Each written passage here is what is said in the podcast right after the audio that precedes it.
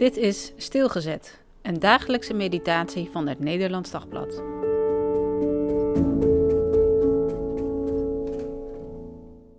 Regel ik 2 Samuel 3, vers 9 en 10. God mag met mij doen wat hij wil, als ik David niet zal bezorgen wat de Heer hem gezworen heeft. Het koningschap afnemen van het huis van Saul en voor David een troon oprichten over Israël en over Juda, van Dan tot Beersheba.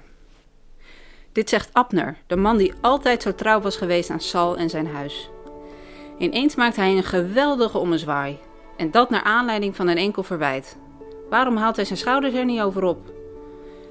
Dit valt alleen maar te verklaren als hij al langere tijd aarzelde of het nog wel zinnig was om door te gaan met zijn steun aan de zwakkere Isboset.